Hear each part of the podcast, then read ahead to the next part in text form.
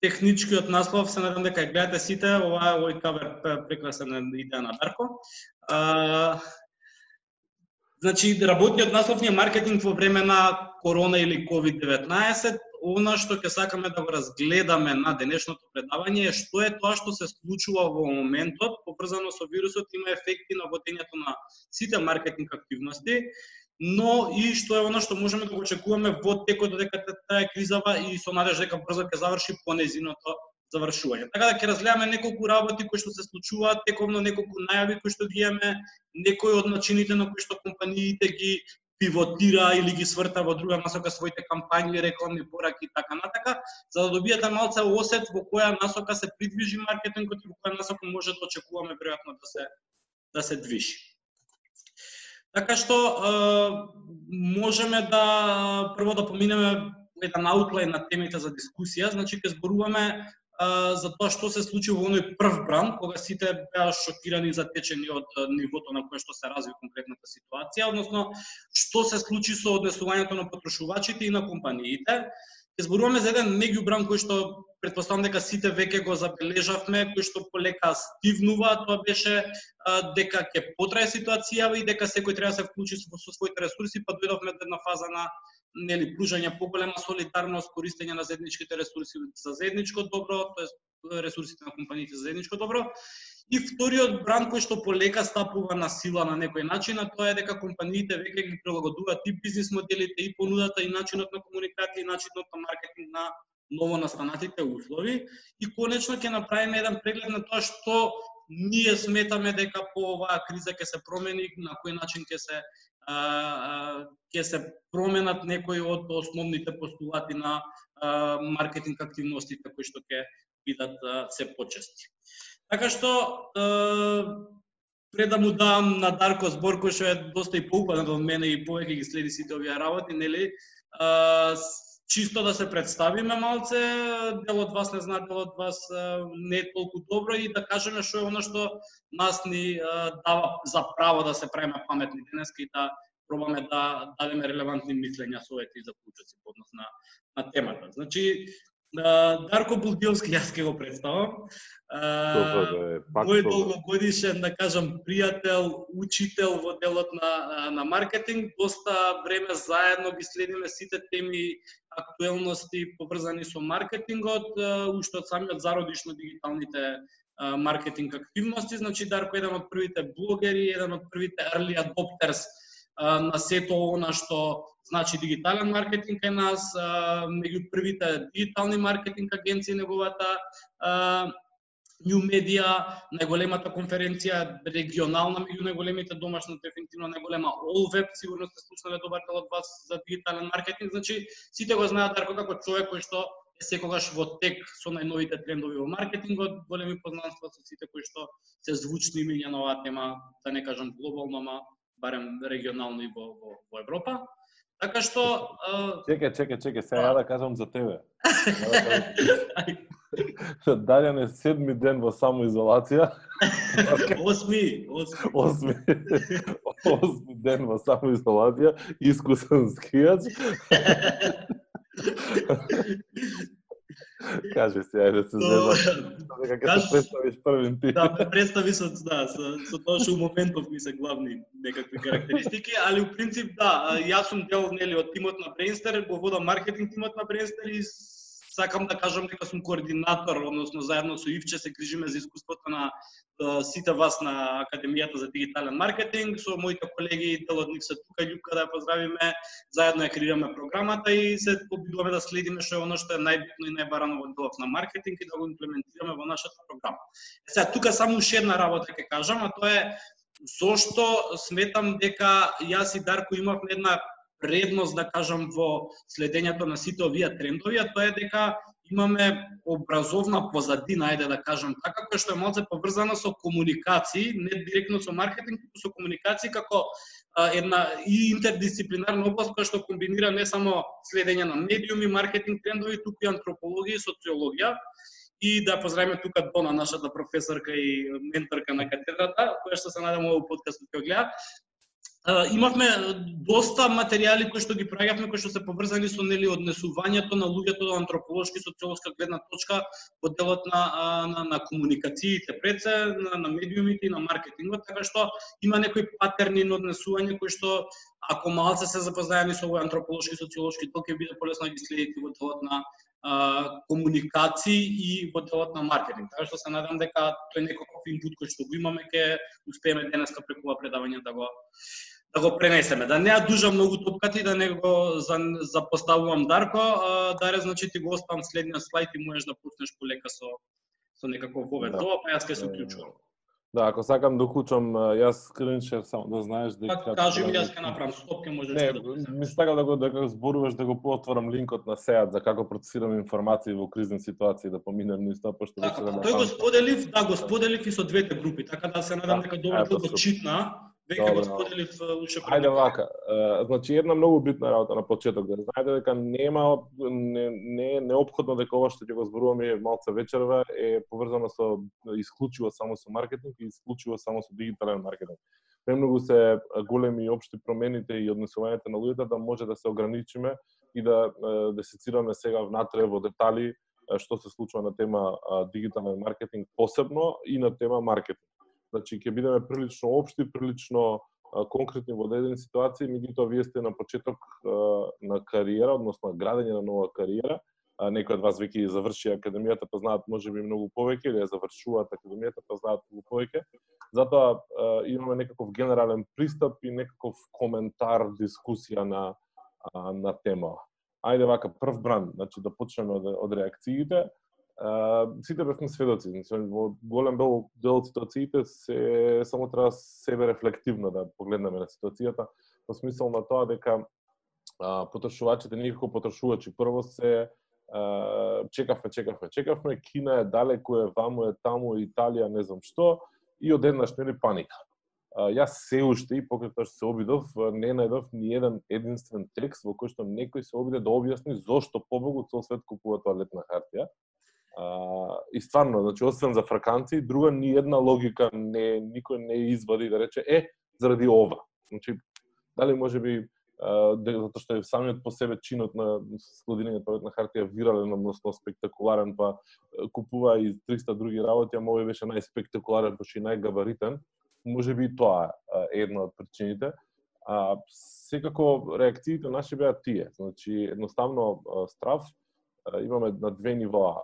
Или сме уплашени скрос, па спаничиме, или као, абе, нема гајле, не ме фаќа мене ова ништо.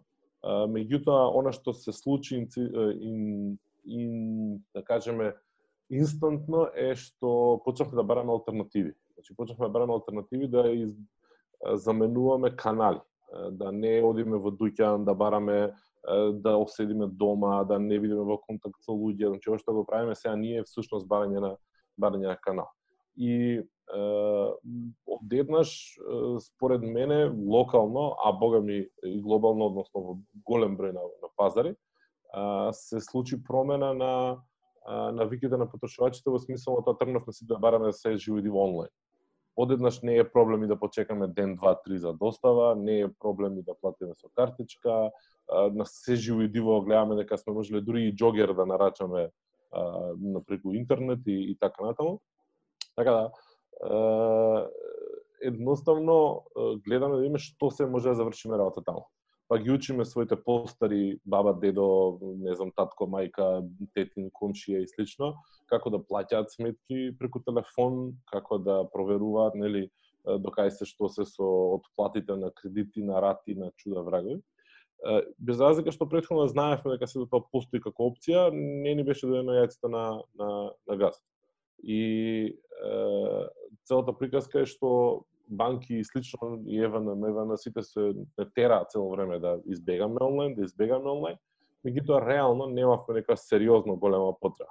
Ова веројатно е првата сериозна голема потреба која што ние е, посегнуваме по, по онлайн канал. И тоа е супер, затоа што а, одеднаш вие гледате дека еден куп бизнеси, тоа го гледаме и преку клиенти со кои што работиме преку да речеме други а, брендови локално, а, одеднаш онлайн не само што е некаков си а, канал на кој што му се посетува внимание, туку станува и примерен канал. И кога сите ресурси што ги имаш како фирма, ги пренасочуваш да обслужат онлайн канал, тогаш можеш да инвестираш многу во него за да ти се исплати. Замислите сега, не знам, мене ме убива од рекламирање пицерија една во која што никој пат претходно не сум не сум ни знаел дека има достава, никој пат не сум нарачал некој пат за достава од Кенезе и ме убива затоа што нема друго што да прави. Значи едноставно трошокот е тој, вработените да се тие, ако се пријавени, они мора да работат некако. И да. Ајде да се вратиме малце, да, знаеш што ми беше муаветот. Може да се вратиме малце едно скалило поназад. Значи потрошувачите, она што се од ние од аспект на маркетери да кажеме или луѓе кои што треба да ги таргетираме, првото нешто што ти паѓа на памет е дека луѓето се повеќе ќе бидат онлайн. Тоа значи дека комуникацијата Значи луѓето се онлайн нонстоп, не можеш да кажеш си ќе да. бидат онлайн, него ќе ги прават трансакциите онлайн. Да, ама не генерално и времето веројатно поминато Па и да и не. Мислам, затоа што пази, не можеш да мериш ти онлайн или не онлайн кога имаме мобилни телефони кои се закачани цело време на интернет и чекаме следно нотификација. Значи, Генерално да мериш онлайн или не. Него мојавето ми беше дека Јас седнам да гледам Netflix 30 45 минути. Така, дали сум онлайн или не сум. Тачно. Така. Мојавето ми беше дека знаеш како ние некако нормално очекуваш дека поголем рич и поише engagement може би ќе имат објавите у периодов, ама тоа што луѓето може да беа позачестено и повеќе ангажирани на интернет, не отвори у првиот момент можност за брендовите, затоа што најголем дел од нивното присуство нели беше да ги следат вестите поврзани со со тоа што да, се случува. А, не отвори, значи класика, органски досек не постои, нема ни да постои од една страна. Од друга страна, денеска сите алгоритми ќе ти фаворизираат информации верификувани за, за коронавирус да, и слично. Да. А, нема да ти фаворизираат понуди и, и реклами. И ако си платиш, ќе те, ќе те има. И тоа е тоа. А, може ќе има зголем број на, на а, капацитет каде да се прикажеш, па ќе падне. Па, поише слотови, ама активното внимание не рефлектира, да, знаеш, да, да, на да. Од друга страна, ако не продаваш нешто што е необходно, да. нешто што е критично во смислната, нели, во оваа ситуација реално да ти потрошиш пари на него, тогаш е, луѓето избегнуваат. Значи, избегнуваат да трошат пари за непотребни работи, избегнуваат да прават. Сега, никој не размислува за појма нема иако имаше некои скриншотови од Србија за лакирање на ногти или слично да иде за, за реновирање кај нас. За реновирање да. во во вакви ситуации. А, никој реално не не му е главата таму. Значи, као да. ете се, сите се пазиме, гледаме што можно помалку да да потрошиме, од друга страна па не не не, не штедиме пари за тие необходни намирници. Така. значи, кога беше првите денови, во маркетиве кога почна да се купува брашно и тестенини, имаше пола од полиците на барила останато само, сакаш. Значи, ама не дека и тие беа сите останати, сакаш. да, да. многу скапи. Да, тие поскапи се пак импулсивно купуваш, ама до да. некаде импулсивноста не, не, нема да иде до крај, него барем до некаде. Да. Добро, да, генерално тоа ми беше дека у првата фаза, значи, делот, ај ке се префрлуваме полека на компаниите, значи тука, да. а, може би у првата, у првиот момент се виде некаква, цеа шанса е глупав збор да се каже, меѓутоа се очекуваше зголемено седење на луѓето по дома и зголемено користење можеби на социјалните мрежи и сите оние да кажам места на кои што можеме да ги допреме со дигитален маркетинг. Меѓутоа она што нормално беше дека нивното внимание се повеќе и повеќе беше, тоест во најголем дел беше посветен на вестите поврзани со ширењето на вирусот. Така што ти ги имаш да. тука ама не се тука со главата и генерално не можеш да ги а, Види, значи тоа време што ние сега како корисници, како потрошувачи го трошиме екстра а, пред телевизор или пред телекомпјутер или пред а, телефон, всушност е, е бараме замена на времето што инаку би го правеле нешто некаде на друго место. Така. А, не, не, не сега, не значи дека не необходно е како ние повеќе време сме кам повеќе време ќе читаме или повеќе време ќе се информираме за други работи. Да, секако дека ќе изгледаме поише филмови, серии, чуда врагови, меѓутоа нивото на информации што сакаме да го свариме од текот на денот ни е толку. Капацитетот, да, да. можноста ни е толкава и се останато едноставно може би нешто повеќе ќе биде, ама не може да очекуваме дека аха, сега јас сум целден пред компјутер и целден ќе гледам реклами или ќе купувам производи. Да, да, да. Баш тоа, баш тоа. Нема логика тоа да се очекува. Сум ќе гледам филмови, ќе гледам забава, ќе играм игри, ќе да. Поведам ќе четам со другарите, пошто сега трендовите баш на, на промена на навики на користење се ова што го гледаме, значи Zoom, односно заедничко пиење преку апликации, кои што ние сега го правиме, сега нешто зборуваме, луѓе пијат, луѓе гледаат филмови заедно, луѓе не знам, играат игри заедно, што не е ништо ново и така натаму. Че се Мо, може чет да ставите плюс еден сите што имавте сесија овие денови на вака заедничко пиење пред компјутер или барем некаква некаква друга активност. Така да ја имав вчера таква, таква социјална сесија мора да признам. Пошто више седми ден изолација мораше да се да се прави, па морам па зум да правам вакви вакви сесии со. Да. Океј, okay, ај малце на компаниите да се свртиме, значи дајде ја малце краток пресек па ти ќе ме надополниш.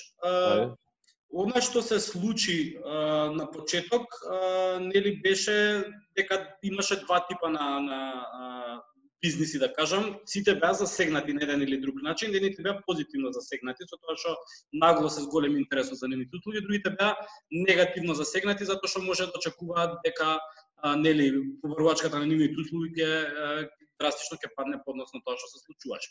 Меѓутоа генерално она што беше заеднички момент е дека сите сакаа на некој начин да дадат некаков придонес, мислење, став и да покажат некаква вклученост во целата криза на барем на позитивен начин со било. Имаше некои ситни брендови кои што со било да профитираат нели веднаш со маски, со слични работи, меѓутоа многу брзо тоа го искористија тој бранд, меѓутоа тоа не е некоја тактика која што може компаниите кои што одат се тука да останат подолго и сакаат да имаат некаков сериозен импакт, нели, и бизнис и, и општествен, нормално тие пракси гледаат да ги да ги избегнуваат, меѓутоа она што се што се случуваше што беше интересно дека сите навлегоа некако со своји реакции поврзано со вирусот, иако не тоа главна дејност. И тука една стапица секојаш се појавува кога сакате да го јавате тој бранд, односно се качите на возот и да коментирате за нешто што може би знаеш, не, не, не, нити сте стручни, нити е дел од вашиот бизнис, нити дел од вашиот аспект.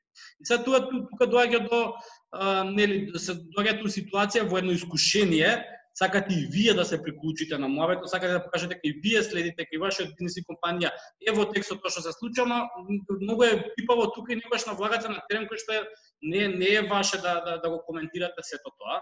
Така што имаше многу примери на тоа дека луѓе споделува внимателно информации кои што се официјални, направија некакво нивно брендирање, па со некакви карузели, ги тие информации ги пласира поврзани со јавното здравје, каде што на крај да речеме има некаков call to action, односно повик да се користат нивните услуги онлайн. Сега Стопанска банка мислам дека имаше добар таков да. интересен пример да. и некои други компании кај нас. Имаше компании кои што правеа некаква нивна импровизација и нивен редизајн на препораките од Министерство за здравство и Светска здравствена организација, што е окей, нема зијан од тоа генерално. Меѓутоа пак мислам дека првата реакција тука е тоа, знаеш, желба да се вклучиш у целиот диалог, дискусија и така натаму, меѓутоа прашање колку ти си тука стручен и вичат. Е сега од друга страна сакаш да а, може би да, да разгледаш и да, да видиш кој аспект од твоето функционирање може да придонесе во во овие услови. Значи, дали имаш сегмент на функционирањето кој што може да, да биде битно значајно во, во овие услови, меѓутоа пак првенствено да не биде толку продажно на мене, толку што да биде услужно и да биде во, во, во сврха на тоа. Значи, ако Стопанска банка излегува и вика а, дечки препорака 1, 2, 3, 4, петата користете онлайн, имаме онлайн опција. Или ако информираш за нешто што придонесува да се запазат тие а, препораки, тогаш мислам дека а, тоа е окей. Така што ако направиме некој пресек на тоа како македонските компании глобалните нели се поискусни во вакви кризи, не била само оваа криза, него и друг тип на кризи имало.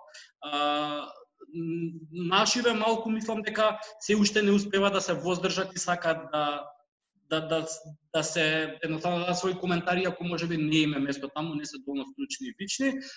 Добро изреагира сите оние компании кои што држејќи се, истекнувајќи ги препораките, успеа да најдат елемент на своето функционирање кој што нели беше во склад со со со препораки. А, моето мојот впечаток е дека немаше некои сериозно а, големи киксови во тој аспект. А, сепак стана збор за некакви нијанси на комуникација во смисла на а, нијанси на тоа колку а, и како ќе се комуницира. Значи, бројот на објави, намалување на број на објави, тип на објави и така натаму. Значи, ние имавме неколку различни сценарија, некои што ги следевме, некои што ги работевме, значи пример за некои од брендовите за кои што работиме, во суштина ние а, моравме да промениме објави во кои што ќе тргнеме објави кои што алудираат на отворен простор, на излегување надвор, на забава и така натаму. Значи моравме да ги ревидираме тие тие работи. И она каде деше далеку, не дека некој утре ќе се најде да да реагира, пошто добар дел луѓето јасно им е дека нели тоа се стандардни објави спремени да. денови, месеци, недели а, на назад, меѓутоа тоа е тој да речеме у оваа ситуација real time маркетинг кој што мораш да се мораш да се прилагодиш на а, на позицијата, на на контекстот. Па тргнавме некои објави, сменивме некои објави, а, извадивме некои нови некои нови објави. Прво прво и основно многу помалце. Значи се се се успори се успори се. Без разлика што многу повеќе луѓето ете нели се се се на интернет, ние ги намаливме активностите затоа што можеш да бидеш предпазлив. Значи не не не благодарно е да ти се рекламираш у фаза у која што нели сите се во неизвестност, се нели паника и така натаму, се ти викаш е попустимам ја на овој производ, појма тоалет на харта, да. на затоа што и овака и онака нели пораката генерална е дека сме тука за доброто на сите. Да. Имаше пар примери од регионот, кои што ги забележав, каде што комуникацијски пораката беше нашиот производ е многу добар, користете го сега, додека е време на, на криза, пошто не може да излезете од дома. И тој тип на пораки мене не ми се допадна и беше да речеме најнегативните што, мислам, ако може да се класифицираат како негативни што ги Значи не еве сме сите заедно еве да ви помогнеме, туку моментот беше нашиот производ е супер, додека вие сте дома. Така, така, така. Значи на некој начин многу лесно може како профитерство некакво нели да се да се протолкува и да има бекфаер некаков и да Да, да. Брендот да, да биде Да.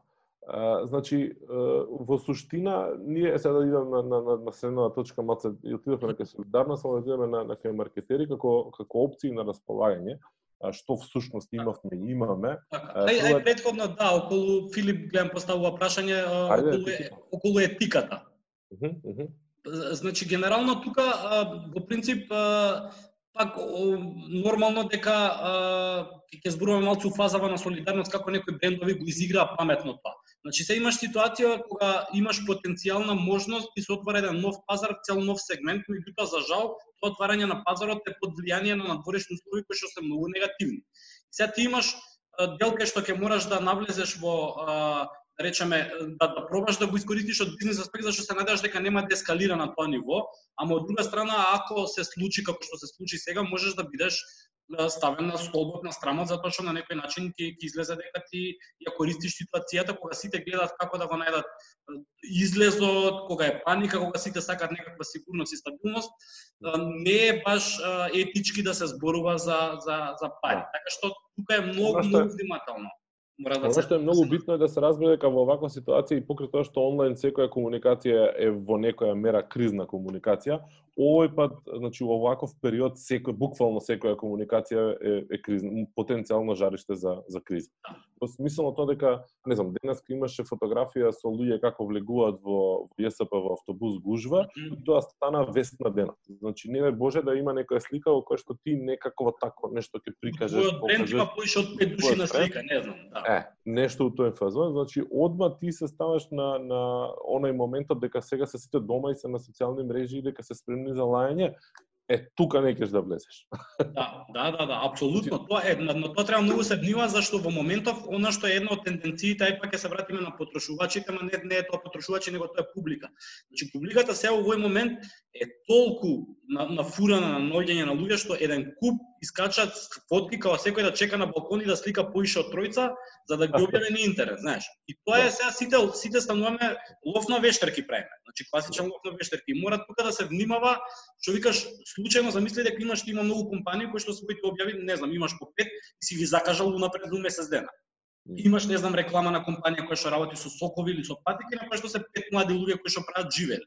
И тоа е више Значи, да. вие стимулирате собирање на поише од пет луѓе. Затоа, да, дефинитивно мора се толку као кризна а, комуникација, затоа што мора проofread да правиш, односно дупла проверка на се што објавуваш периодов, да не се поклопи со некаков негативен тренд и да отиде се по ѓаволите. Да, мислам, осетлива е ситуацијата пошто за и најмало влакно кај што можеби не можеш да претпоставиш дека ќе има реакции, луѓе знаат да знаат да реагираат во една ваква ситуација. Значи, еден куп ситници, мислам, пред неколку дена излезе нели информација во медиуми наместо преку министерство официјална за дневниот извештај и слично, луѓе дигна огромна джева како тоа може во министерството да дозволи таква нешто да се случи и така натаму. Мислам, не е дека не се оправдани тие реакции, некој пат се оправдани, некој пат се помалку или повеќе оправдани, меѓутоа тоа е да речеме предизвикот со кој што се соочуваме овие денови во во таа комуникација а, особено што да речеме треба да се подготви нова содржина, треба да се размислува и за понатаму да се одржи активна комуникација. И сега да стигнам пак кај, кај маркетери и опции на располагање, значи јас кажам Добро, извини, само пред да почнеш на тоа, меѓувреме може може да ги повикаме сите што ни се на, на линија да ни пишат чат некој пример можеби од првиот бран што на, на, на начин на комуникација на компании кој што им се допаднал или од друга страна не им се допаднал. Да видиме дали има некој пример кој што ви остана као види ги овие што комуницират или од друга страна е ова е добар начин на, на, на, на комуникација. Да, баш така. Uh, добро. Ќе се надврзуваме, пишувајте луѓе, гледаме, следиме, ако сакате да се да се пријавите таму, пријавите се кај да. Да, слободно одмютирате се и и поставете. Не проблем никаков. Uh, да си додам ја на моето сега. Може ли конечно? Ајде. Више па. А, добро, значи целата приказка е што имавме различни сценарии. Значи имавме сценарии кои што најчесто се се намалува број на објави. се чисто меѓу другото за да не се биде вулгарен, за да не се биде предосаден, за да не биде сега аха село гори баба се чешла муабетот. А, и од една страна, од друга страна има ситуација во кој што се имаме и затворено скроз канали за комуникација, значи имаме клиенти кои што затворија со работа комплет, како на пример трговски центри и слично, и кој што нема логика да се комуницира, значи едноставно да. тоа е тоа.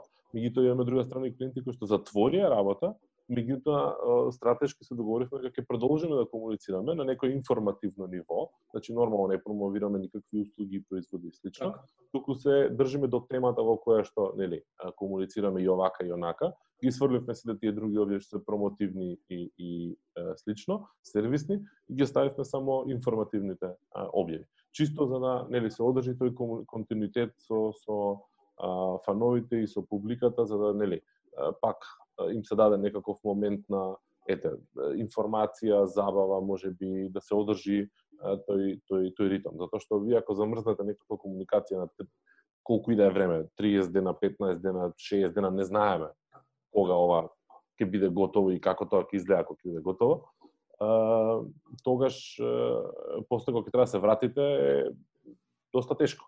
Прашање дали ќе можете да се вратите одма во позицијата во која сте били. Не само поглед на видливост, него и поглед на активност и слично, пошто утре други ден некој ќе се сети, аха, кај беше бе ти два месеци, те немаше никаде, сега ми се правиш паметен за не знам што. Да. И автоматски ќе може да ти го извади моветот назад. Ева Андри има еден коментар за компании, меѓутоа поише припаѓа баш на следниот слайд што ќе го имаме Андри, така што баш у таа меѓуфаза зборуваме за компании кои што во фаза на солидарност некаква нели сите излегуваат со општествено одговорни активности да. и ќе спомнеме неколку глобални примери кои што наидоа на добар добар фидбек во јавноста, ама ќе се навратиме на некој од 50-60 години, не од 50 него од Втора светска војна, па да видиме како се рефлектира Марк и Спенсер и некои слични слични аха, примери, аха. така да интересен, интересна интересна таа забелешка ти да. утаа кога се движиме, да. да. Супер. Ајде оди на следен слайд. Океј, okay, значи следниот слайд ни се однесува на една меѓуфаза. Значи, таа меѓуфаза што се случува? Имаме еден шок нели у првава фаза кај што луѓето ни се тука рековме, меѓутоа се пре а, фокусирани на тоа што се случува со кризата. Компаниите се тука и се малце збунка да комуницираме, да не комуницираме до која фаза на кој начин. И полека сите сваќаме дека сме сите заедно у една каша. Е, врати ми го слайдот за да се за да кажам уште една работа, сакам да кажам кај компаниите спомнав дека добар дел од нив се мора да бидат соочени силно прилика да ги направат дигиталните канали онлайн продажбата како примерна. Добар дел од нив сватија дека се тотално неспремни и потврлија сериозно. И тоа ми е од, од, повторно ќе кажам добра лекција, ако успеат они додека трае оваа криза да се вратат назад. Така. Многу ќе биде тешко затоа што многу има негативни искуства, самите они ги затвараа продавниците, не може да испорачаат, прекинува, прекинува продажба и слично. А, и за жал можам да кажам дека во таа ситуација би требало да гледат што се случува три месеци назад, да ја гледаат Кина и да ја гледаат Италија како примери и да бидат подготвени, затоа што во еден куп други работи каде што би кажале дека Кина ни е предвестница се што се случува во околу наоколу на светот, овој пат, овој пат Кина и те како требаше да биде показна вежба и да се подготват тие компании. На крај дојдоа како неподготвени, изгубија, според мене, мислам дека добар дел од нив изгубија доста. Е, сега други мали, кои што се пофлексибилни, кои што не се такви под голем наплив, се обидуваат да испливаат полека полека на на површина.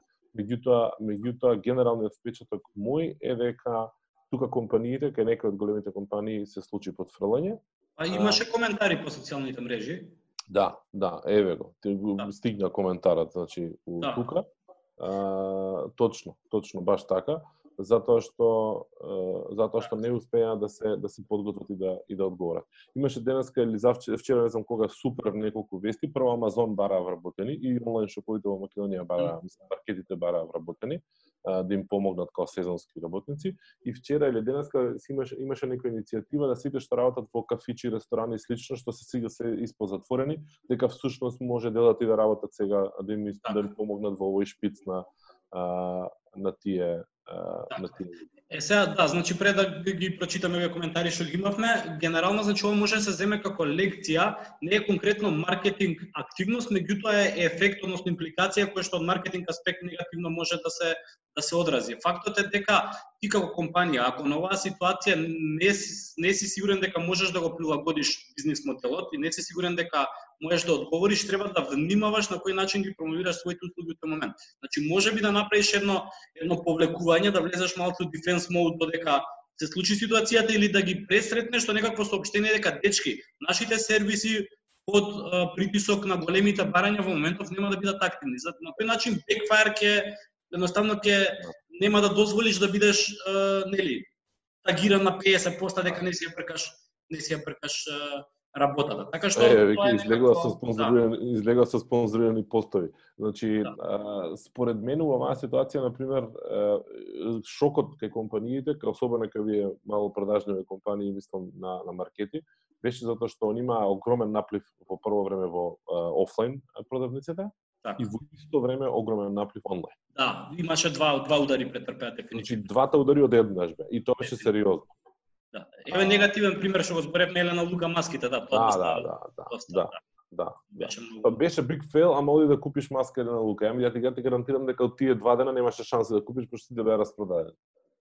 Мислиш? Е, да, 100% сум сигурен. Е, се прашање е као, као бренд ме свекаш, као дали е тоа фейл или не, односно е фейл дефинитивно, ама каков одраз има на, на, на бизнисот, така да... Така.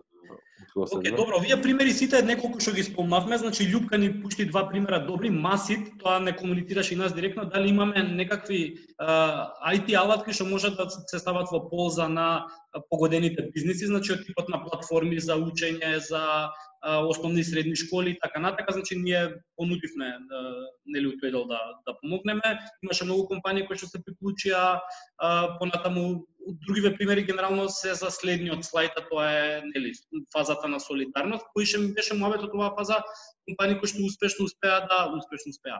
Кои што најдоа начин како да искомуницираат како што треба и да нели ја пресретна кризата што можеше да ги да ги Да, во, по, во да. поглед на во поглед на ова со со реакција со што што го спомнати со нели навремено комуницирање и слично, а, мене најсоодветно ми изреагира пакет Uh, затоа што Е така, тоа ми беше таков тип на примери, да. Прво се спремија, смислам беа малце поподготвени од другиве, пошто нив онлайн им е единствена продажба и да. логички дека ќе бидат поподготвени, иако не е баш логички, пошто овие другите имаат логистика многу поголема, многу да, поголема луѓе и, и центри, да.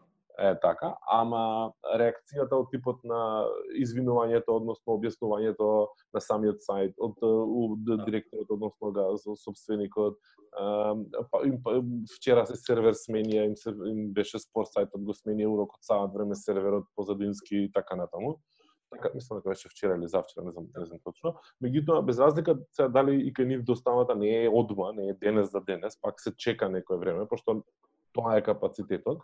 Они знам дека бараа луѓе за да за да го зголемат тимот така. технички, затоа што нема капацитет да, да обслужат сепак реакцијата нивна беше многу Нивна беше во старт, тоа ми беше малото, дека они во старт ги пресретна потенцијалните а, незадоволства на клиентите со тоа да. што предпоставија што може да се случи и пред било кој да ги кажа дечки ова е рамката која што ние ќе се движиме и тука не оставаш простор веќе ти да, да добиеш негативен фидбек, да. негативен да. пиар во, да. да. целата работа.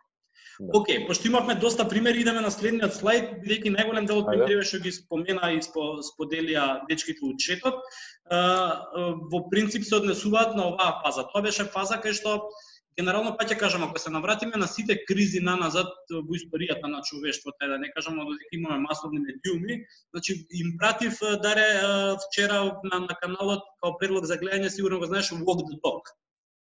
Добро.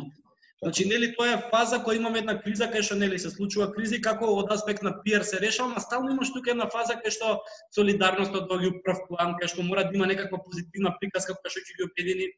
Едноставно, тоа се фази кои што се уште нас како луѓе ни се ни се природни, уште не знам, слушајќи ги приказните басните од детството, тоа е една фаза која што а да не кажам ние очекувана природни начин на кој што се справуваме со со катастрофите. Значи, да првото е шок, неприфаќање, прилагодување и обавезно има една нишка на позитивност, сентименталност, позитивна емпатија, солидарност и така натака. И ако го видите тоа секоја криза се случува. Значи, секогаш мора да има една една фаза во која што сега сите сваќаме кај сме, меѓутоа ајде една солидарност. Американците ги вадат знамињата за 9/11 сите надвор.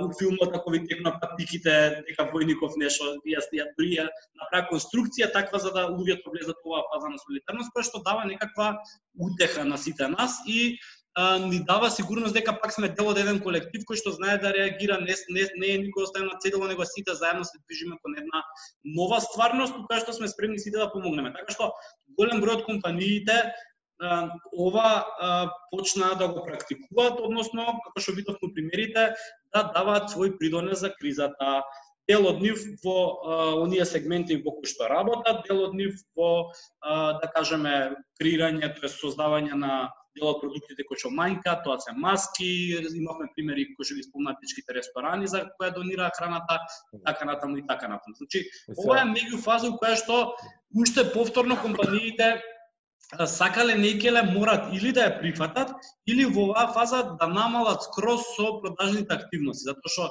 Не знам дали приметивте, ама во текот на изминатата нела, нега од средината на минатата нела, најголем дел од постовите, од фанпејџовите кои што се случуваат, добар дел од нив има некаква хуманитарна позадина, бесплатно доделување, споделување и така натака. Значи најголем дел од фидот ни беше прошарен со ваков тип на вести. Тука повторно доаѓаш во една ситуација кај што мораш да внимаваш кога сите даваат и да пробаш да не продаваш. Да, грубо кажано маркетиншки ти не можеш да продаваш сега пошто е неетички, а од друга страна мораш да си ја промовираш својата услуга, односно да покажеш колку си добар во тоа што го правиш и тоа што знаеш да го правиш.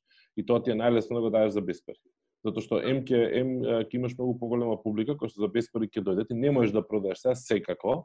Так. Прашањето е дали ќе се одлучиш да го даеш за беспари, за да уствари ти еден куп други луѓе кои што можеби не би не знаеле за тебе, не можеле да дознаат за тебе, не биле заинтересирани, ќе им покажеш дека си добар. Значи Zoom ти е еден супер пример. Zoom е одличен пример, да. Значи Zoom е одличен пример кој што а, читав баш пред а, сесијава сега а, текст дека за ненормално кратко време во Силиконска долина Zoom станал глагол како што Skype беше глагол, значи дека го заменува, да, и затоа што го заменува Skype како глагол и тоа се случува сега. Значи, ова е моментот во кој што се случува тоа.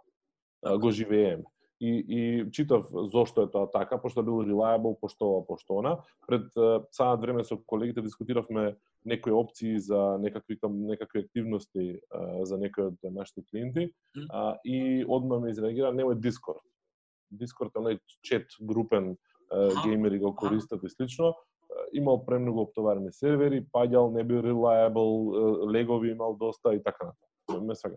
И се автоматски јас веќе добивам некаков без разлика што сето тоа ни го прават од солидарно за да помогнат и слично, јас креирам креирам негативна слика, ако утре треба да користиш колку позитивна или негативна, да. Значи не е пошто зошто ти да даеш нешто фри или слично, него треба да даеш фри за да ти истакнеш всушност што ти е што ти е како се вика главната страна, значи што ти е квалитетот.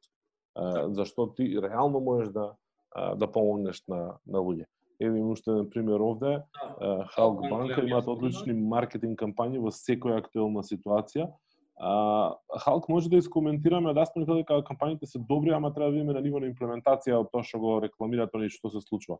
Пошто има некои супер примери со предприемачи, тоа знам, што прават сега у, у фаза на корона немам поима. Па имаше некои објави колку што ги заследив од луѓе дека ние сме на работа да ви помогнеме вие седите дома, оддалеченост, маски и така, некои добри. Аха, Е, да. тука, тука е една многу битна, битна работа кај брендовите е, е токму тоа. делот со делот со вработените. Делот со грижа за своите вработени, со грижа за, за, за клиентите, во смисол, нели, тоа солидарност беше и денеска фатив коментари за вработените во маркетите. Као секоја чест да добиеле поише пари затоа што се изложуваат многу да, повеќе на да. ризик сега пошто некој мора да го работи тоа. Е исто и ова, и со банки и со осигурителни компании, сите они сега нели треба да им дадат назначење на тие луѓе. Имаше ми се чини некоја банка слика од гости од Дебар вработените дека Да, од Дебар има чита го видовме, да. Е, да. Така да, да, тие се тие примери во кои што се работи на на на, на таа емпатија, меѓутоа истакнуваш квалитети а, своји. Не да. се обидуваш само да да ќариш као аха чекај сега ќе донесеме поише лидови, mm -hmm. него едноставно а, си си ја задржуваш суштината која што која што. Ево Ирена веќе нешто спомна за зголемено онлайн купување на производи, тоа ќе вас спомнеме во следната фаза како се ревидира малце навиките на потрошувачите и што можеме, да. Значи тоа ни е следниот слајд да, да кажам. Сега да останеме на овој слајд пошто има неколку примери. Овдека треба да внимавате, знаеш, да внимаваме сите да не го направиме тоа на извештачен начин. Тука едноставно да понудиме дел од нашата експертиза, која што ние иманентно, односно природна, ја имаме во компаниските рамки да пробаме така да понудиме. Меѓутоа, имаше интересни примери, да речеме сега, многу се погодени авиокомпаниите се најпогодени. Тука го имате Ричард Брансон беше од Virgin, кој што нели многу често Па многу често филантроп, филантропски зборува, значи еден куп книги за тоа како треба да се третираат вработените на прво место, секогаш вработените и така натака. И сега се случува он прв да реагира со а, неотпуштање туку прекинување на работен однос при времено на голем дел на, на значи неплатен одмор на најголем дел од вработените.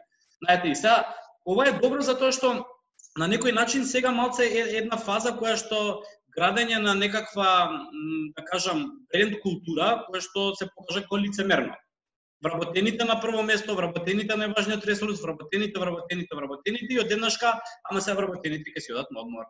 Од друга страна, Apple им даде платен одмор на сите, така, што направи голема разлика меѓу тие два бренда да, сега. Да, да, сериозно. Да имате случај кај што да речеме компаниите свесно викаат ние овој период, веројатно да речеме тоа за козметика и здравје, ќе видиме некои графици претходно, ама највеќе падна интересот меѓу другото патувања И после тоа козметика, пошто дома сме сите, се може да се запустиме малце, осве ние што треба да збориме онлайн. А, ама генерално, а, да речеме, Луи Витон, не Луи Витон, и Сен Лорен, кој беше што комплетното производство го пренамени во... А, дај ми екран го имам негде тоа, дај ми, пушти да. да шерам. Ке...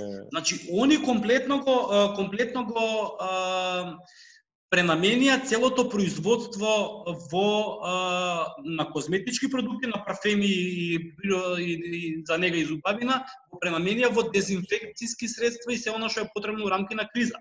И тоа е еден голем чин затоа што а, не само што гледате, тоа е вин-вин ситуација, затоа што ти знаеш дека ќе ти падне нагло купувањето, инвестираш во нешто што ако ништо друго ќе ти донесе огромен публицитет во моментот и ќе се надеваш дека луѓето ќе се се на тоа. Значи, ваков интересен пример е многу со Маркс и Спенсер, значи нели синџирот огромен на робни куки, да ги кажам, стоковни куки во Англија.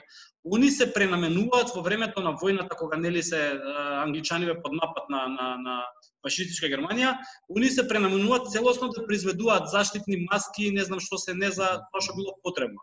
И а, тоа као еден огромен голем патриотски чин се, се цени во тоа време во Англија, кога они у 60 и 70 години запаѓаат во тешка криза, значи луѓето се вртат и викаат чека, они ни помогнаа кога беше најголема криза, дај да се насочиме да купуваме од нив.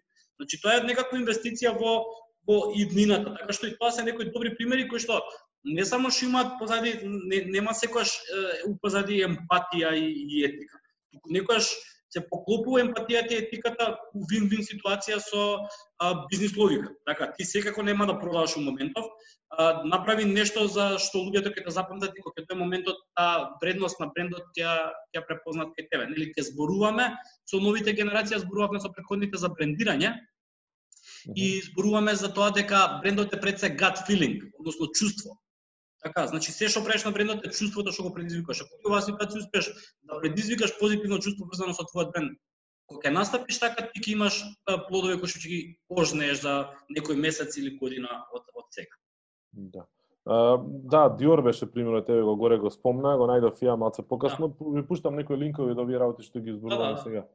Uh, од тоа што сега овде ја го чепнам по а, по екран. Uh, добро, она што го спомна, нели, сега малото беше лидерството и лидерите и одлуките и слично. И тоа беше исто така. Многу, многу се виде а, кој зборува, а кој, кој работи. Нормално, малце е преризично и пребрзо, без тие мерки владени, државни, глобални, ти реков ми рече без да знаеш ни државата како ќе постапи во дадени ситуации, пошто има многу различни реакции од тој аспект, да одлучиш ти како компанија што ќе што ќе направиш. Прашањето е и колку време ти можеш да бидеш оперативен, затоа што не е дека па да. големи компании можат да, да. долго време бидат и оперативни. Така да не не им се едно што ќе прати како ќе прават со со работените. Знаме NBA имаше доста добра доста добри примери кои што на пример Марк Кюбан рече дека ќе ги покрие дневниците на сите на сите луѓе што работат за тимот и за салата, зашто сите они се на дневница. И он рече дека ќе ги покрие сите, ќе ги покрие сите сите трошоци за тие вработени, затоа што ако нема NBA, ако нема утакмици, они нема да може да земат никаков никаков никаква плата. Мислам дека беше Зајон Вилиамсон рече дека он ќе ги покрие од своите пари трошоците на сите сезонски работници, на сите такви де, да. дневни работници. Доста спортисти излева. Да. да, епа тоа е тој момент на беше многу интересно што кога јас ја гледав утакмицата на NBA кога донесла одлука баш на сред утакмица NBA донесе одлука да се прекине сезоната и на полувреме отида новинар Марк Кјубан да му прави интервју и изјава да му земе.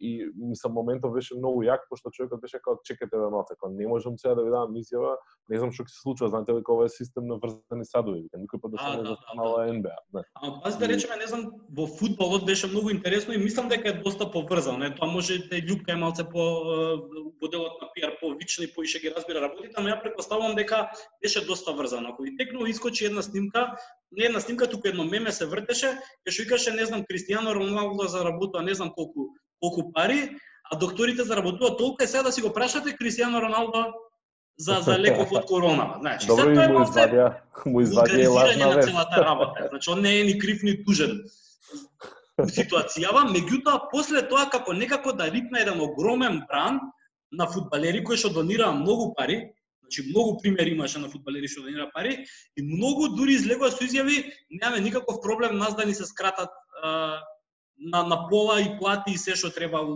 у моментот. Така што генерално мислам дека а, сигурно беше поврзано на некој начин, знаеш, нивните пиар служби сигурно рекле дечка еде полека да да излеземе ние со со вак, ваков тип на гестови затоа што едноставно има многу негативна негативен пиар у периодов на на, на, на таа сметка дека се они преплатени на сметка на лекарите, што е нормално е така, меѓутоа не се они криви моментот што тоа е така.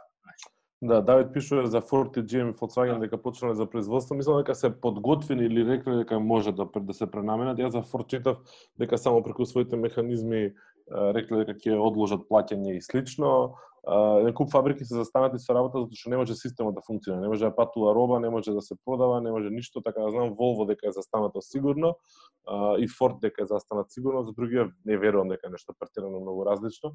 Меѓутоа ако немаш ти репроматеријали на на Ферари е застанато, добра се луксус е Ферари. да, да, Ферари е луксус. Најве Љупка кажа затоа коментира дека не треба науката да чека милост од спортот, што е навистина така. Меѓутоа да. ајде може да нешто добро ќе искочи целата ситуација ќе се Да. Да, издавачки центар 3, бесплатни книги и така натака. Да, ова со Роналдо Ги да, понуди, ова... да, ама тоа беше веројатно после, е, после ова Ова со Роналдо со хотелот е тотално лажна вест. Значи, комплетно лажна вест, откриена подоцна дека немало врска. Mm -hmm. Во Шпанија имал неколку хотели, партнерон бил таму, хотелот демонтираше све живо тоа, така да нема врска. Ќе ви пуштам линк, ќе ви го најдам. Океј, добро, значи оваа фаза некако ја надминавме, да кажеме, ја надминавме. Очекувам моје очекување дека нареднава недела полека ќе нели ќе ќе спласнува и ќе пробаме да реагираме како што реагира секојаш човештвото, тоа е да пробаме да се прилагодиме и да бидеме back to to the new normal. Што ќе биде new normal ќе видиме. Меѓутоа се надеваме дека ќе најдеме начини и модуси на функционирање кои што ќе ако ништо друго ќе направат да се чувствуваме дека сме back to the to the normal. А, добро, многу е, многу е она шкакливо тоа back to the normal. Имаше куп настани што се откажани големи големи збиднувања во смисол на тоа дека Олимпијада, па Европското првенство и слично. Аз за тоа кажам the new normal, не баш да, normal, значи, да. да, имаш ситуација на, на, на, на Лига на шампиони, значи сега се врзав за, за спорт, меѓутоа ми е како огромен дел од маркетинг буџетите се врзани за тоа, огромен дел од да, да. активностите се врзани за тоа. Имаш ти комплетна промена на филмска индустрија. Значи Холивуд откажа промоција на филмови, па се свати дека не може да ги откажат, па бараат други начини да го пренаменат начинот на премиера на филмови. Значи да. многу промени во многу индустрии се случуваат. Едноставно шокот помина и сега седнуваме се пресметаме да видиме како тоа ќе влие, пошто нема да се отиде ова за преку ноќ, нема да кажеме готово се вторник се завршува, нели, приказката со корона. Најмалце година дена се очекува нешто да биде ова се уште активно, ако не и повеќе. Еве важно Телеком ги пушти спортските канали бесплатно сега кога нема спорт. да, да, сега ги пушти тоа беше, да. Спортските канали бесплатно. не знам, не, шак можда нешто ги Имаш, имаш еден шак, коментар за некои други канали што ги пуштија Телеком бесплатно. да, да. Да, да. Значи, тоа да приказка што се менува, се менува многу многу начинот на прво дека има статистики за Кина дека комерсот она продажбата, продажбата паднала за 20%, меѓутоа и комерсот се качил за 3%. Uh, значи има има податоци кои што кажуваат дека сега ненормално многу луѓе искусуваат за прв пат да купат некои работи и сваќаат која е комотноста без разлика што може да утре кога нема да има а, таква таква ситуација, нели, ќе може веќе да да тоа функционира. Се навикнеш, чао пријатно. Да. И еве го, значи ние се променивме начин на кој што гледаме филмови. Променивме начин на кој што конзумираме содржина. Без разлика што и предходно ние цело време бевме на Netflix и слично, а повторно имаше кино, имаше блокбастери, имаше огромни кампањи и слично, кои што денеска, да, F1 и MotoGP. Јас сум фан на MotoGP. Батали F1. а, значи, се, се, се ги барат моделите. Значи сега сме во фаза во која што компаниите ќе барат начин како да се вратат назад во некој колосек со ново настаната ситуација или ќе пренаменат производство дека е ова вака за да не изгубат или ќе или ќе барат да се продолжат услугата. Значи е, имате вие еден куп еден куп услуги кои што се сите факултети брейнсторм да. и другото да. оди онлайн. Значи не дека тоа било нешто невидено предходно, ама сега се повеќе и повеќе дали тоа станува тоа станува необходно. Син ми доби Google Classroom апликација преку која што сега ги добива сите сите часови и ќе работи домашни и ќе чита лектири, ќе пишува и ќе работи и така натаму. Значи, работите кои што стоја, кои што постоја, кои што ги зборувавме само на теоретско ниво, дека може би некаде таму Шведска и Норвешка функционираат, а, сега сме доведени ситуација да ги да ги употребуваме и да компаниите да ни ги понудат, и потрошачите да ги да ги користат, затоа што враќање нормала што е тоа нормала више, нема да виде да, никој што, што било предходно. Да. Тоа дефинитивно.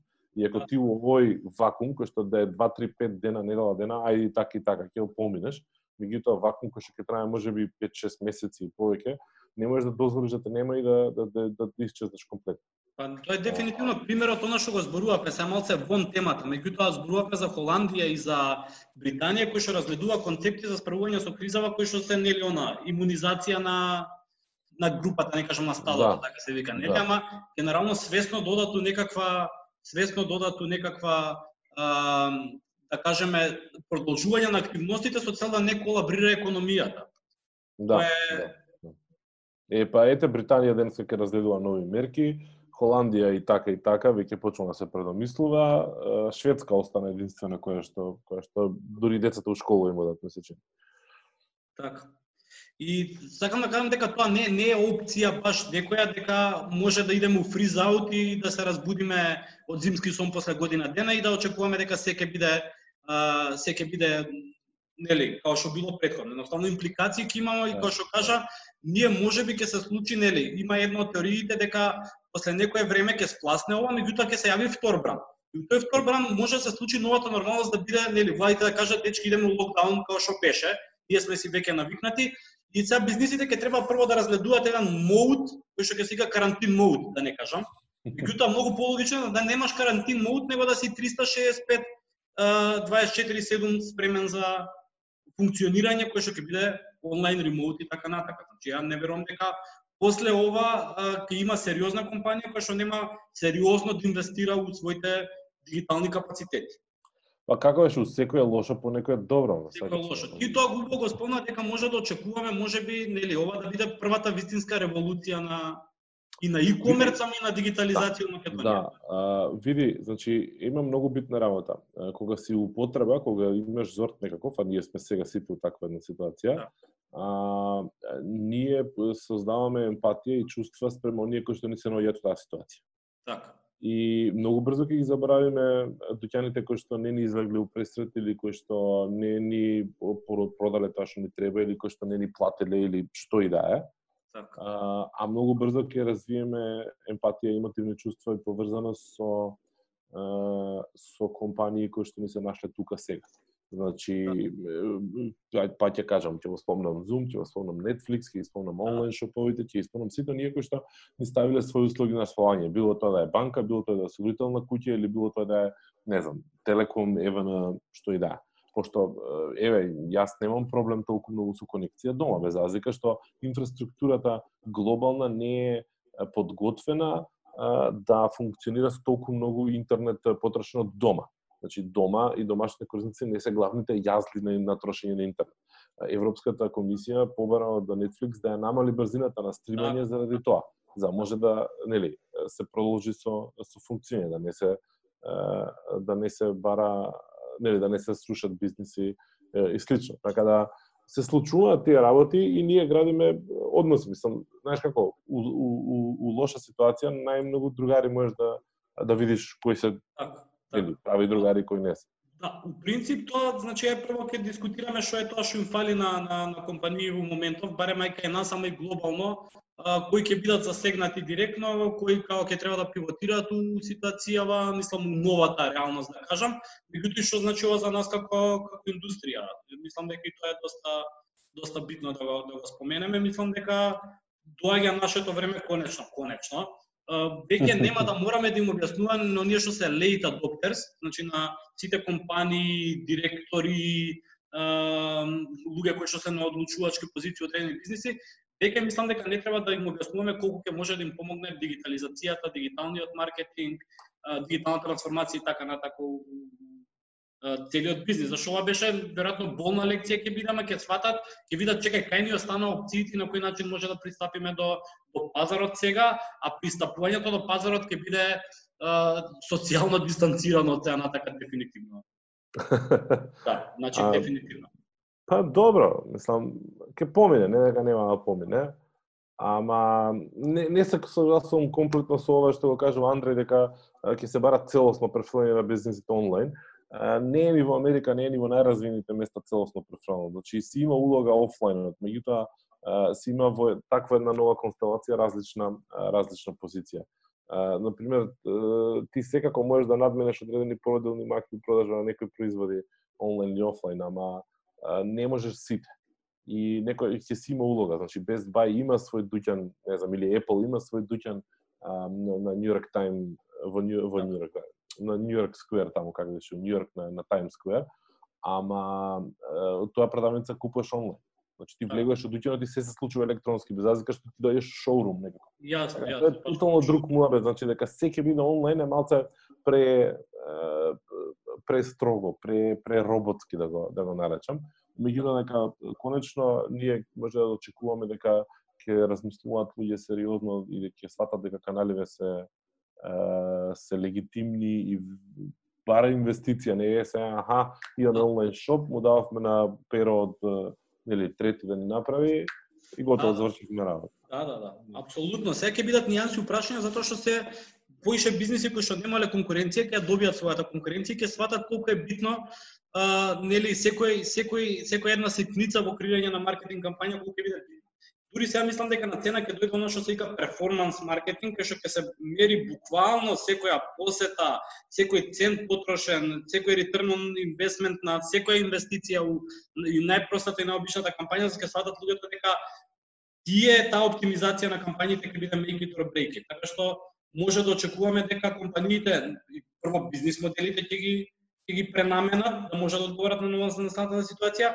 меѓутоа за да можат да ги промовираат новите начини на функционирање да стигнат до клиентите, мислам дека многу ќе се ќе мора да се ослонат на на дигитализација, што значи дека а, во принцип ќе од една страна ќе биде голем предизвик. Од друга страна, пошто нели вториот дел следов ние за потрошувачите, потрошувачите како што кажавме, како што спомни Ирена веќе коментарите, значи потрошувачите веќе сватија која е лагодност од купувањето онлайн ти тоа што го спомна дека веќе 2-3 дена не е проблем да се почека.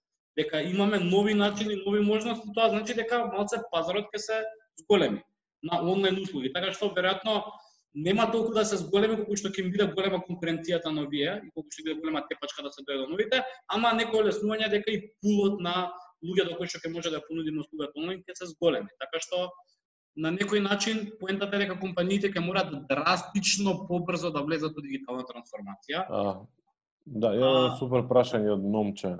Да. А, дали мислите дека големите корпорации имаат поголема обществена и социјална одговорност во овие моменти колку вас према потрошувачите и пазарот? Малите компании и бизниси секако немаат капацитет да направат многу на тоа поле. А, големите компании ќе останат големи компании. Значи така се направени системите политички и, и, и бизнис да големите компании нема да пропаднат.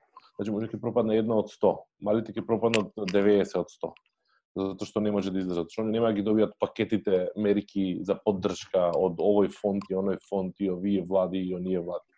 А, малите фирми се тие што всушност се движат индустрија и тоа е се тешка политичка одлука, нема врска со со маркетинг. Од друга страна, големите компании за да бидат ликвидни мора да отпуштат некој. Значи, без разлика што не се големи прават големи профити, кај нив одржливоста може да биде и 2 до 3 месеци, не повеќе, пошто се големи трошоците на месечно ниво.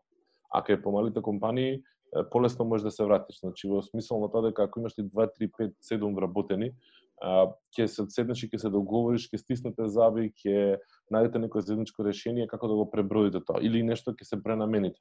А кај голема компанија, освен откази, друго немаш. Така да, кој има поголема одговорност обштествена, у теорија, ја мислам дека големите би имале, затоа што генерално се позаштитени и зашто повеќе уживаат во благодетите на општеството на обштествените услови во кои што им е дозволено да функционира. Разбориме за мали компании, да, ние веројатно ги замислуваме малските дуќанчиња и така натака. Во принцип, мали компании кои што ќе можат да искочат од оваа криза на, на, на видола е тие кои што ќе понудат услуги кои што ќе успеат да надминат оваа оваа криза. Значи Zoom нормално е огромна компанија, меѓутоа Значи збориме компании кои што ќе нудат алатки или сегменти на алатки кои што ќе помогнат да се надмине оваа ситуација. Значи сигурно ќе има нови стартапи, сигурно ќе има нови а, компании кои што убрзо време ќе бидат купени од Google, Facebook, Microsoft, Apple или а, Alibaba, ама генерално веројатно тоа ќе бидат компаниите кои што како мали компании ќе можат да кажат луѓе го трубиме ова дека е битно, ама требаше да се деси ова за да сватите дека е битно. Така што а сите други ќе треба да да пивотираат во насока на нудење на соодветна услуга онлайн доколку е тоа доколку е тоа можно. Да, има супер коментар Љупка околу дејноста. Значи да, се зависи се зависи од дејноста. Значи ако ти за, затоа Дарија неколку да. пати го го повторува моментот со дигитална трансформација, затоа што дигитална трансформација подразбира и способност на една компанија брзо да пивотира, брзо да се прилагоди на, на прилагоди на ново направени услови. Значи дигитална трансформација значи дека а, Zoom, еве го пак го спомнувам пошто тука беше тука беше пишан. Значи Zoom нема никаков технички проблем да скалира, тој има поголем проблем, затоа што работи у клауд, затоа што е дигитална платформа и затоа што со три копчиња вака лаички кажано, они може наместо 100 да обслужат 1000 1000 корисници. Ама тоа значи дека и твојот бизнис може да биде мора да биде способен да предвиди дека во еден момент наместо 100 ќе може ќе може да обслужи 400 400 корисници. И обратно, дека кога ќе се врати назад ќе може да ќе може да функционира. А, така да индустријата е многу битна, да, битна е трансформацијата. е дефинитивно, да битна е трансформацијата, затоа што трансформацијата таа што ти одобрува, овозможува на структурно ниво како компанија да реагираш побрзо на промени. Тоа е уствари нели трансформацијата на, на еден бизнес. Ако е викаме ние дигитална трансформација, многу повеќе трансформација на луѓе, трансформација на, на услуги. А, затоа што од друга страна еве еден шампион за дигитална трансформација е Airbnb, па оди види ги се што прават. Значи им пропаѓа целиот сервис, целиот бизнес им да. паѓаат и акции, им паѓа се живо и диво, затоа што не може да излежат. Им паѓа целиот бизнес. Затоа што, нели, гостителство, туризам се првите но се кај што физичкото присуство е незаменливо и тоа е тоа. Ти не немаш алтернатива, не може да дигитална да се разлика што они се дигитална платформа, ме сваќаш. Да, да. Тоа е тоа основата на бизнисот има физичко присуство на човек на локација на која што се не може да биде. И баш тоа што го пише Љупка дека природата на бизнисот е некојаш едноставно си осуден дека ете физички, мислам, не знам, авиокомпаниите, туристичките агенции, сите тие работи, се што е врзано со физичко движење катастрофално. Ќе се дигне на цена транспорт, ќе се дигне на цена логистика, малце, се што е дигитално и така натака. Да, еве Кам за пример. Значи Кам имаше многу добро, многу добро известување, мене беше многу позитивно кога рекоа луѓе аманте заманте не купувајте, значи толку многу, се да. во ред, имате услови за другите. Мислам јавно кажам на своите купува, на своите корисници, како се ката потрошувачи, не купувајте толку од кај нас, мислам. Так. Не, нема боле од тоа, затоа што некои не можеле да постигнат, сите цело време кажува дека има залихи, не е проблем. Има залихи, барем за првиот удар, да. да. TikTok е друг муавет, не го отварате сега. Што е со TikTokот? Не, не, не, не сум утек. Не сум утек дали Игор да го уклучиме или ќе кажеш ти ја знаеш приказка. Ниже, што нема приказка, него доста популарен, но па нема што да прават луѓе дома, што да прават. Добро, ако има некој бекстори тука Игор уклучува се словото и кажува што е што е приказката. Да не утињаме ние сме 30 плюс е, да не не сме таму кај што е журката. А, Сандра што го збори, да. А, во принцип, а, значи има да големи компании кои што може да си дозволат на некој начин да направат позитивен пиар околу нив и околу нивниот бренд со тоа што имаат ресурси у моментов да го издржат ударот, да дадат плата за следни 2-3 месеци, ако луѓето им се на одмор, да дадат попуст на производите, да дадат нешто пробоно, затоа што секако имаат удар на овој начин пробуваат да го амортизираат, односно тоа дека ќе креираат позитивна перцепција за нивниот бренд кој што ќе се со кои што ќе се зголеми лојалноста и пулот на потрошувачи. Така што држи логика. Имаат повеќе, меѓутоа, не знам, од друга до, до друга страна веројатно можеби ќе има некаков тип на акции, да речеме, кои што ќе бидат подржива твојот локален бизнис. Сега ќе видиме кој од овие ќе има и тоа е некаков механизам за маливе да да обстанат, меѓутоа прашање колку они можат, зашто големиот може да го направат со структурирана пиар кампања, да искочи едноставно нешто што не произлегува од нив. Види, се, се што е необходно ти ќе го купуваш и понатаму. Може би во помал обем, може би ќе се пресметаш два-три пати сега да ќе купиш нови фармерки или нова јакна или не знам што ме сакаш, сега си кажеш ај кој да, ти иде. Да. Ама ако ти затреба, ќе го земеш, не дека не дека не. А прехранбени производи купуваме и повеќе него претходно, затоа што не даваме пари по кафани, купуваме дома. А, да. мислам јадеме дома и готвиме дома и слично. А, е сега, нели, прашањето е дали овие што сега се активни од типот на достава и слично во тие услужни дејности што ќе се случи со туризам и со и со тој дел ќе направат разлика после. Значи, дали ако јас ја гледам таа пицеријата на почеток, што ја спомнав секој божи ден, дека дека ми овозможува еден утре кога ќе помине се кога ќе видат сите други пицерии отворени, ја ќе идам нези или нема да идам поише нези. А, мислам дека нема да идам. Добро, па во принцип тоа е, види сега, генерално на некои индустрии да имаше некакви статистики што ги гледавме дека кога и време на рецесија се што паѓало по 20%, му требало од прилика 300 до 500 денови да се врати назад, меѓутоа се враќало со поголем интензитет, знаеш. Да. Тоа што се нели генерација се бумери што се зафркаме, нели бумери доаѓа од беби бум, од фазата која што после Втора светска војна не само што уделов на продукција на бебиња, него и уделот на а, зголемена потрошувачка моќ на цело општество, зголемена волја за комодитети и купување и така натака. Така што веројатно некоја фаза ќе биде, не знам, кучиња пуштени од ланец да не кажам, ајде, но веројатно ќе туризмот ако се врати све нормала ќе може да да има дочекува некаква голема експанзија која нели сите не нашетани ќе тргнаме да се да, да се нели искачаме од границите. Така што веројатно доста индустрии ќе имаат еден позитивен бран кој што ќе се случи од кога ќе влеземе во некаква нормализација на физичка физичка можност за физичка пристап до, до, до услугите, а меѓу време ќе треба да се барат алтернативи. Ајде да кажеме дека рестораниве може да не се погодени затоа што нели деливери многу поише се се огласија ресторани, компании од услужна дейност дека деливери Да, ама намален е бројот на нарачки, без разлика што не носат деливери, тоа е колку да преживеат. Значи нема врска бројот на нарачки е смешно помал. А, дури и сервиси кои што единствено било биле преку онлайн нарачки доставена храна што работеле, ние бележиме бележиме намалување ме свегаш. Значи луѓе се откажуваат пошто се дома, прилагаат од друг ритм, пошто не немаш проблем да се изготвиш, ме свегаш. Ке те кошта поевтино, не кеш да, трошиш. Да, друг е ритам, дефинитивно е друг ритам. Значи не кеш да трошиш пари, се дома си цел ден, ќе нарачуваш, ме свегаш, не знам, и нешто поскупо за јадење, си кажеш кидам ќе го купам, од дојдем ќе си го направам да. сам, ме свегаш. Инака имаш време еден тон. Да. Не, не треба да треба генерално претпоставам дека ќе има и доста трендови кои што ќе бидат emerging, односно сега ќе се појавуваат и кои што веројатно ќе влијаат на потрошувачките, на потрошувачката. Не треба да го проверам ова. Uh, сега е перфектно време за деливери на бизнес за гритски алкохол. Има алкохол, се продава онлайн. Uh, ама не знам дали процветал или не процветал. Треба да прашам, ќе ми кажат. Да, ќе ќе ќе видиме. Да, имаме луѓе што се таа дена што се наши студенти, па ќе ќе сторат некој абер и веројатно ќе помогне да не чекаме многу за достава. А, ама генерално види едно од, од начините нели тие челенџи што се денови ги гледаме, што се вртат со нели слики од младост и така натака, ништо чудно да проба некој од некој од едностите да, да проба да што вештачки, да не кажам некаков челендж кој што ќе нели и ги потикне луѓето на потрошувачка на некаков тип услуги. Тоа е некаков, не знам, креативен начин можеби да да се да се проба да се придвижи индустријата таа насока, па ќе видиме.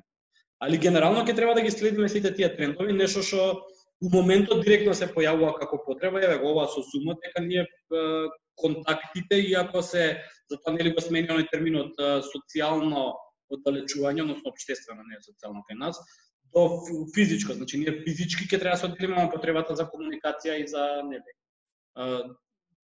ќе остане и за тоа овие алатки треба да надменат. И сега треба секој бизнис да разгледа на, как, на каков начин ќе се преведе неговата дејност во новонастанатите услови, дали има начин да ја да ја понуди услугата на тој начин. Така што ќе ќе ќе има нови креативни начини, дефинитивно ќе гледаме на на стари услуги пласирани на нов начин меѓутоа оно што ќе биде неминовно е нели трансформација, рапидна дигитална и спасување на бизнисот со нудење на на услуги оние што до сега не, не, не ги нуделе. Ќе привршуваме имам апел. А може да привршуваме полека полека. А, последниот слайд рече да да го пуштам. А, чекај да видам сега кај ми е презентацијата. Еве сме презент, презент. Добро, а, вида, до, ова која губаци. Ова Дарко е по познат. Он не само што ги прави презентациите на две минути пред да почне презентацијата, него ги прави дури утек на през... утек на презентацијата. Ова му е ново. Така што Не, не, не, пред да почне беше направено. Пред да почне добро, значи последна секунда си го направила, ама генерално да. Принцип ќе треба, нели. Да се истураат пари за да се видат резултати, а ние сме тука да им ги трошиме парите на тие кои што ќе ни ја дадат овербата. Така што се спремаме за кариера, буткаме напред, нема откажување и овој ентузијазам се надам ќе ве држи, ќе го држиме и тераме заедно, тераме заедно напред. Океј, чувајте се сите, да, седете дома, мите раце и, и, и тоа е тоа.